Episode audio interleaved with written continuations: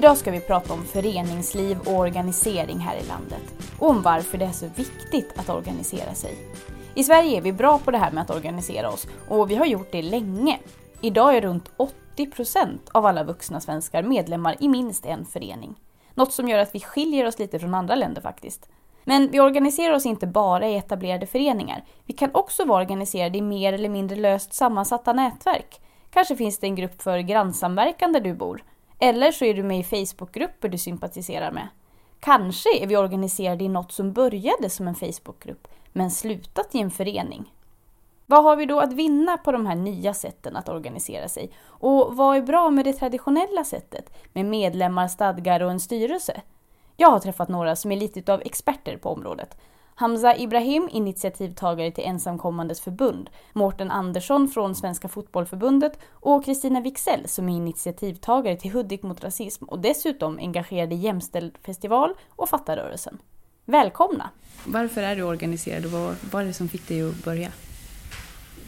För mig har det nog varit nästan att jag inte ens har varit medveten om att jag har börjat utan det har kommit ur någon slags frustration. Alltså, varför gör ingen någonting? Det här borde göras. Och så har jag gjort det och så har jag plötsligt insett att jag är organiserad. Eh, så för mig har det nog varit en, ett icke-val på det sättet. Det var inte en befintlig organisation utan du startade verkligen? Ja, men framförallt Hudik mot rasism var ju en det var på några sekunder så startade jag ett Facebook-evenemang som sen blev en manifestation, som sen blev en rörelse, som sen blev en organisation.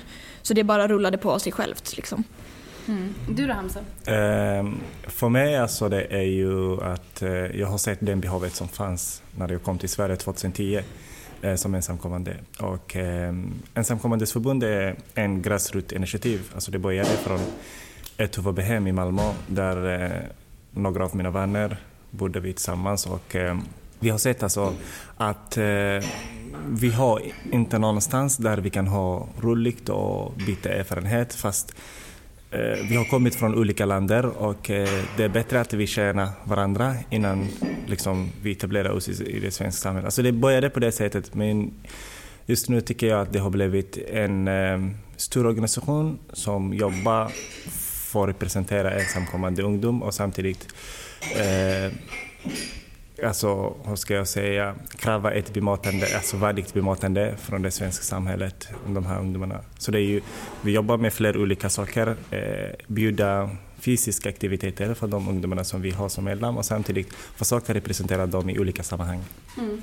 Och du då, du kommer ju från en, en etablerad rörelse ja. som är gammal fotbollsrörelse. Ja, det var väl mer eh, det här eh, traditionella, att man, man fick frågan som inte kan eh, belysas nog hur viktigt det är. Att, eh, ja, det var då en, en äldre god vän till mig som frågade att ja, men ska inte du vara med i, i det här liksom? Och så fick jag, fick jag möjligheten då att komma in och vara med. Men det var också så, det, det tycker jag, eh, nu representerar jag en väldigt, väldigt stor organisation.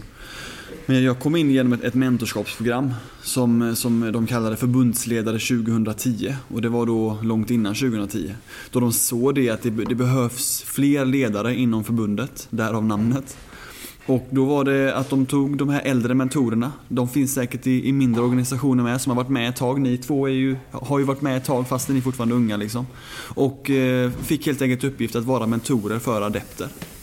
Eh, och det, det var min väg in liksom. Att man fick någon som man kunde fråga lite grann och man fick en plats i, i styrelsen eller som adjungerad i alla fall. Frågan den är, den är viktig alltså för att man ska våga ta klivet. Otroligt viktig. Mm. Jag tror att det, den, den tas upp varje gång, alltså, men den måste tas upp varje gång. För att det är så lätt att man, man kommer in i sitt eget lilla race där nu jävlar ska vi leverera bra grejer här och vi, har, vi brinner för detta allihopa vi ska göra bra. Men så glömmer man rekryteringsarbetet. Det är så lätt alltså att glömma det. Men vad vinner vi på organisering? Varför är det viktigt att organisera sig? Det jag har märkt i både, ja men framförallt Hudik mot rasism och Fatta är ju att det har funnits ett behov hos väldigt många. Eh, kanske framförallt en frustration hos väldigt många som ser problem i samhället och som vill göra någonting åt det men som inte vet hur. Eh, och då blir det inte konstruktivt. Om det finns en organisation som arbetar för ett syfte så, så ger det en, en plats för människor att faktiskt engagera sig på sitt sätt. Eh, det skapar liksom ett rum och ett eh, forum för organisering, för tyckande eh, och för konstruktivitet. Och det tror jag är extremt viktigt när vi lever i ett demokratiskt samhälle för att människor ska känna sig delaktiga i samhället. Tillsammans är vi starka liksom. Att eh, om alla bara driver sin boll och, och försöker liksom eh, lösa sin egen, sitt eget case på egen hand, det blir inte lätt. Alltså, det är ju en av människans starkaste sidor att vi samarbetar och kan uppnå större resultat gemensamt än vad vi skulle kunna göra själva. Mm. För mig alltså, och eh, mina vänner när vi startade eh, vår organisation, alltså tanken var att eh, eh, de flesta av våra medlemmar har varit med på fler hemska saker och eh, de var förtryckta med deras regering och sånt. Så de har varit på flera olika saker och eh, de har svårt att komma ut och, och argumentera för sin sak. Liksom. Ge ett plattform där kan deras röst kan bli hörda. Mm. Men är organisering, är det extra viktigt för att nå integration? Det är ju mycket viktigt. Eh, det är det som vi saknar idag i de svenska myndigheterna. Att involvera ideella krafter som vi, eh, som gör alldeles utmärkt jobb eh, när det gäller integration. Det det, det handlar om. För mig integration handlar om att träffa och prata och liksom bryta den här normen att vi och dem. Liksom. Men du som kommer utifrån också, är det lätt eller svårt att organisera sig i Sverige? Ja, för mig alltså det är min eh, upplevelse i organisering är att eh, jag kan säga att det kan vara lite svårt ibland att lägga lite, alltså alla vill göra någonting men organiseringen är, kan vara lite svårt ibland. Jag alltså måste alla... fråga, när, när idén uppkom att vi ska bilda ensamkommandes förbundförening liksom. Vad var det första du gjorde? Det är alltså fascinerande för mig att få reda på det. Vart vände du dig? För jag vet inte själv vad jag skulle göra. Jag började prata bara med mina vänner. Alltså det här går inte. Eh, jag kom ihåg att mina vänner som vi bodde på ett HVB-hem tillsammans blev diskriminerade på ett fotbollslag i Öxi, Skåne. Eh, och eh, de kallade neger och massa andra. Och de var väldigt nedstämda. Och det är någonting inne i mig som sagt att det här går inte. Kan jag inte starta något idrottsförening för de här ungdomarna? Det startade på det sättet. Eh, start, registrerade en förening. Och då det tog mig åtta månader innan jag blev, fick en organisationsnummer. Eh, för att jag visste inte hur jag ska göra. Jag sitta med min data och googla allt. Och samtidigt jag måste tänka på mitt, på mitt asylprocess. Jag hade inget eh, uppehållstillstånd då tiden. Jag väntade beskedet. Så det är, men jag har väntat mig mest på mina kompisar och eh, eh, alltså på ideella krafter, Röda Korset och de som jag har träffat på läxläsning och massa andra som har hjälpt mig att skriva hej kan du hjälpa mig att registrera det här? Och alla som skulle starta har ingen personnummer. Det var en mm. annan hinder fast jag, jag var papperlös. Så jag var tvingad att vänta tills jag får eh, mitt personnummer och, och, och sen hitta fem andra som kan sitta i styrelse för två. Så det, det började på det sättet. Det är därför det tog lång, längre tid. Strukturella hinder. Ja, strukturella hinder ja. Väldigt mycket i det svenska systemet bygger ju också på att man har till exempel ett organisationsnummer. Fatta var ju i nästan två år bara en rörelse, ingen organisation utan bara en löst sammansatt grupp som gjorde saker. Och på många sätt var det väldigt praktiskt, det var enkelt, eh, det krävde inga, ingen byråkrati på något sätt. Men när vi till exempel ville söka stöd ekonomiskt så var vi ju tvungna att bilda förening. Och sen finns det också en poäng i att faktiskt tvinga in demokrati. För vi upptäckte också att Fatta bestod ju av människor som bara kände varandra, Vilket också blev en ganska homogen grupp. Eh, vi rekryterade bara personer vi kände. Nu är vi en organisation med styrelse och med en väldigt, väldigt seriös valberedning som har valt in personer som inte var engagerade innan för att de har kompetenser som behövs. Och då blir det också mer demokratiskt eh, och mer representativt för samhället. Och det är det som är så fint med det svenska föreningslivet, även om det ibland kan kännas väldigt tungjobbat också. Eh, så det gäller ju att försöka hitta en balans i det, tänker jag. Mm. Alltså, det, det, det, kan ju säkert du instämma i Hamza, alltså att eh, vi ska vara glada för den demokrati som finns. Mm. Och att eh, det, det tas väldigt, väldigt för givet. Mm. Att, så. Men det, det är någonting som verkligen eh, som genomsyrar föreningsverksamheten. Det finns ju faktiskt en möjlighet för den minsta lilla medlemmen att påverka på årsmötet. Mm. Om man känner till hur det fungerar. Mm, och det är det. Det måste ju det får, måste ju vara en tillgång och inte bara ett hinder som det ibland blir. Mm. När det bara blir ett stelt system som alla måste förstå. Och det är där det, jag tänker att det är en av de grejer ni gör i Ensamkommandes förbund är ju att faktiskt hjälpa nyanlända att förstå det systemet. Och det är det som är så extremt viktigt. Att vi inte antar att alla kan det. Exakt. Vi har ju snuddat lite vid det här med, med eh, styrelsearbete och liksom när Fatta blir en, en organisation och inte bara en rörelse och sådär. Eh, hur gör man för att nå personer som man vill ha i sin styrelse eller i sin organisation? Hur, hur gör man för att knyta folk till sig? Nej, men jag tror att, det, att direktkontakten är den viktigaste. Att höra i sina nätverk vilka skulle passa och att då också vara specifik. Nu behöver vi en person som har erfarenhet av det här eller som kan det här eller som kommer därifrån. Eh, och att ringa till den personen och fråga. För många personer känner sig inte tilltalade av sådana här öppna allmänna förfrågningar. Framförallt inte om den styrelsen eller den organisationen är väldigt homogen till exempel. Så där tror jag att den direkta, raka frågan är det bästa. Om det är så att det är viktigt med den personliga frågan och vad jag har i mina nätverk, men om jag har liksom nätverk som inte är så hemskt breda, hur, hur kan man göra då för att nå ut? Liksom, när man inte kan gå via sig själv? För våran del inom, inom svensk fotboll så, så pågår ett stort arbete med att, att eh, inse den kommersialisering som just nu sker. Alltså, eh, svenska medborgare ser sig inte idag som medlemmar i så väldigt mycket saker. Utan man är en kund av någonting. Alltså jag går till gymmet och, och där får jag någonting tillbaks. Jag betalar pengar för att jag får tillbaks. När jag går till föreningen och betalar min medlemsavgift, då räknar jag med att jag ska få någonting tillbaks. Eh, och, och det är liksom det, det, det, det, det kommersialiseringen tror jag som, som har gjort det. Att man ser sig då som en kund. Och då tror jag att det är viktigt att man att man försöker bygga sin förening lite grann, inte som ett gym, men ni fattar vad jag menar. Att man ska faktiskt få någonting tillbaks. Eh, och det kan låta konstigt, men fasen det har alltid varit så här att man, man är medlem och det är solidariteten, vi gör det här tillsammans och så. Men vi, det, det tankesättet måste ändras lite grann. Bara genom att omformulera sitt, sitt erbjudande eh, och vad, vad, får man faktiskt i sitt medlemskap så, så tror jag man kan locka till sig många fler. Har du något lite mer konkret exempel på vad, hur, kan, hur kan man omformulera? Ja, det har jag. Och det är att vi eh, Eh, det, det, har pågått, pågått ett projekt inom, inom Svenska fotbollsförbundet och SIS idrottsutbildarna tillsammans om att skapa ehm, eh, att du får det som, som ett eh, arbetsgivarintyg när du har varit engagerad. Eh, ett intyg som du kan använda sen i arbetslivet. Eh, där det tydligt står vad du har gjort på, eh, vad ska vi säga, arbetska. Alltså mm. där, man, där man verkligen kan bevisa att det här är kompetenser som behövs i det verkliga arbetslivet. Istället för att det står att du har varit fotbollstränare. Jo, men det är svårt för en arbetsgivare att omsätta. Vad betyder det? Vad ger det oss när vi får den här personen i vår, i vår personalstab? Som ett faktiskt arbetsintyg. Ja. Mm. Och det tänker jag också kan ju vara jättebra för till exempel ungdomsorganisationer eller om man är nyanländ till exempel. Att få med det. Att den meriten kan ju bli jätteviktig också då för ett första jobb. Att, att man kan liksom bredda nyttan av det på något sätt. Och jag tänker också att det är att föreningsarbetet och ofta liksom om man börjar i en idrottsförening till exempel eller på en Eh, skola, att man sitter i eh, vad heter det, skolrådet eller skolstyrelsen, elevstyrelsen, eh, så, så får man en kunskap och en insikt i hela föreningslivet och då kommer man ha lättare till exempel att bli medlem i ett politiskt parti eller en opinionsbildande förening. Så man får ju så mycket på köpet av att vara engagerad i en styrelse till exempel eller i en förening. Och det tror jag verkligen att arbetsgivare ser den kompetensen och uppskattar den.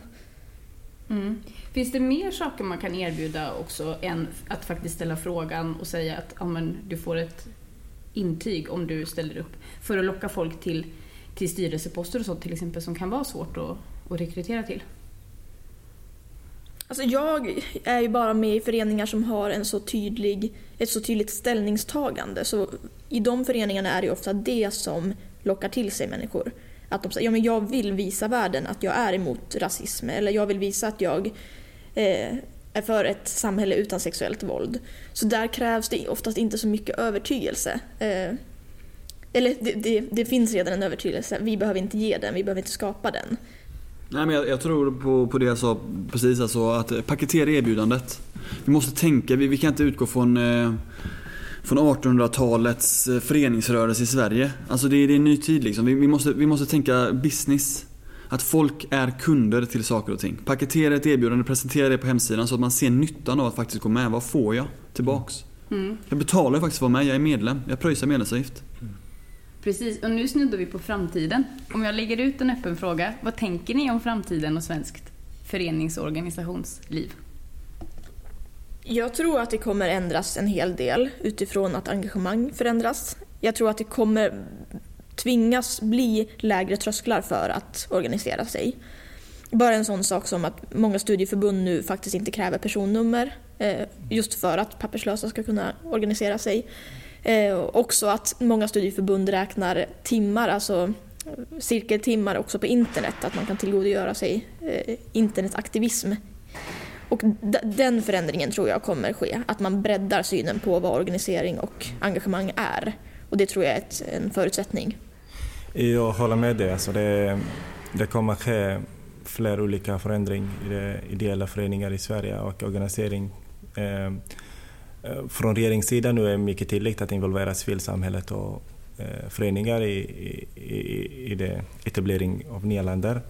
Och eh, myndigheterna måste liksom eh, jobba, så måste, de måste involvera idéburna sektor. Eh, arbetsförmedling och de andra stora myndigheterna som sitter enorma resurser. Eh, de har bara snack, alltså. de pratar massa skit som man inte förstår ibland. Eh, och eh, jag tycker att det är mer viktigt att ge resurser till ideella föreningar som kan göra alltså integration på annat sätt. Liksom. Jag tänker också att det, det måste finnas ett större hjärta mm. i den formen av engagemang än vad man kanske kan få mm. ifrån Arbetsförmedlingen. Mm. Ehm, så jag, jag, tror du har rätt i det. Mm. Sen tycker jag att det är lite oroväckande att det ser ut så också.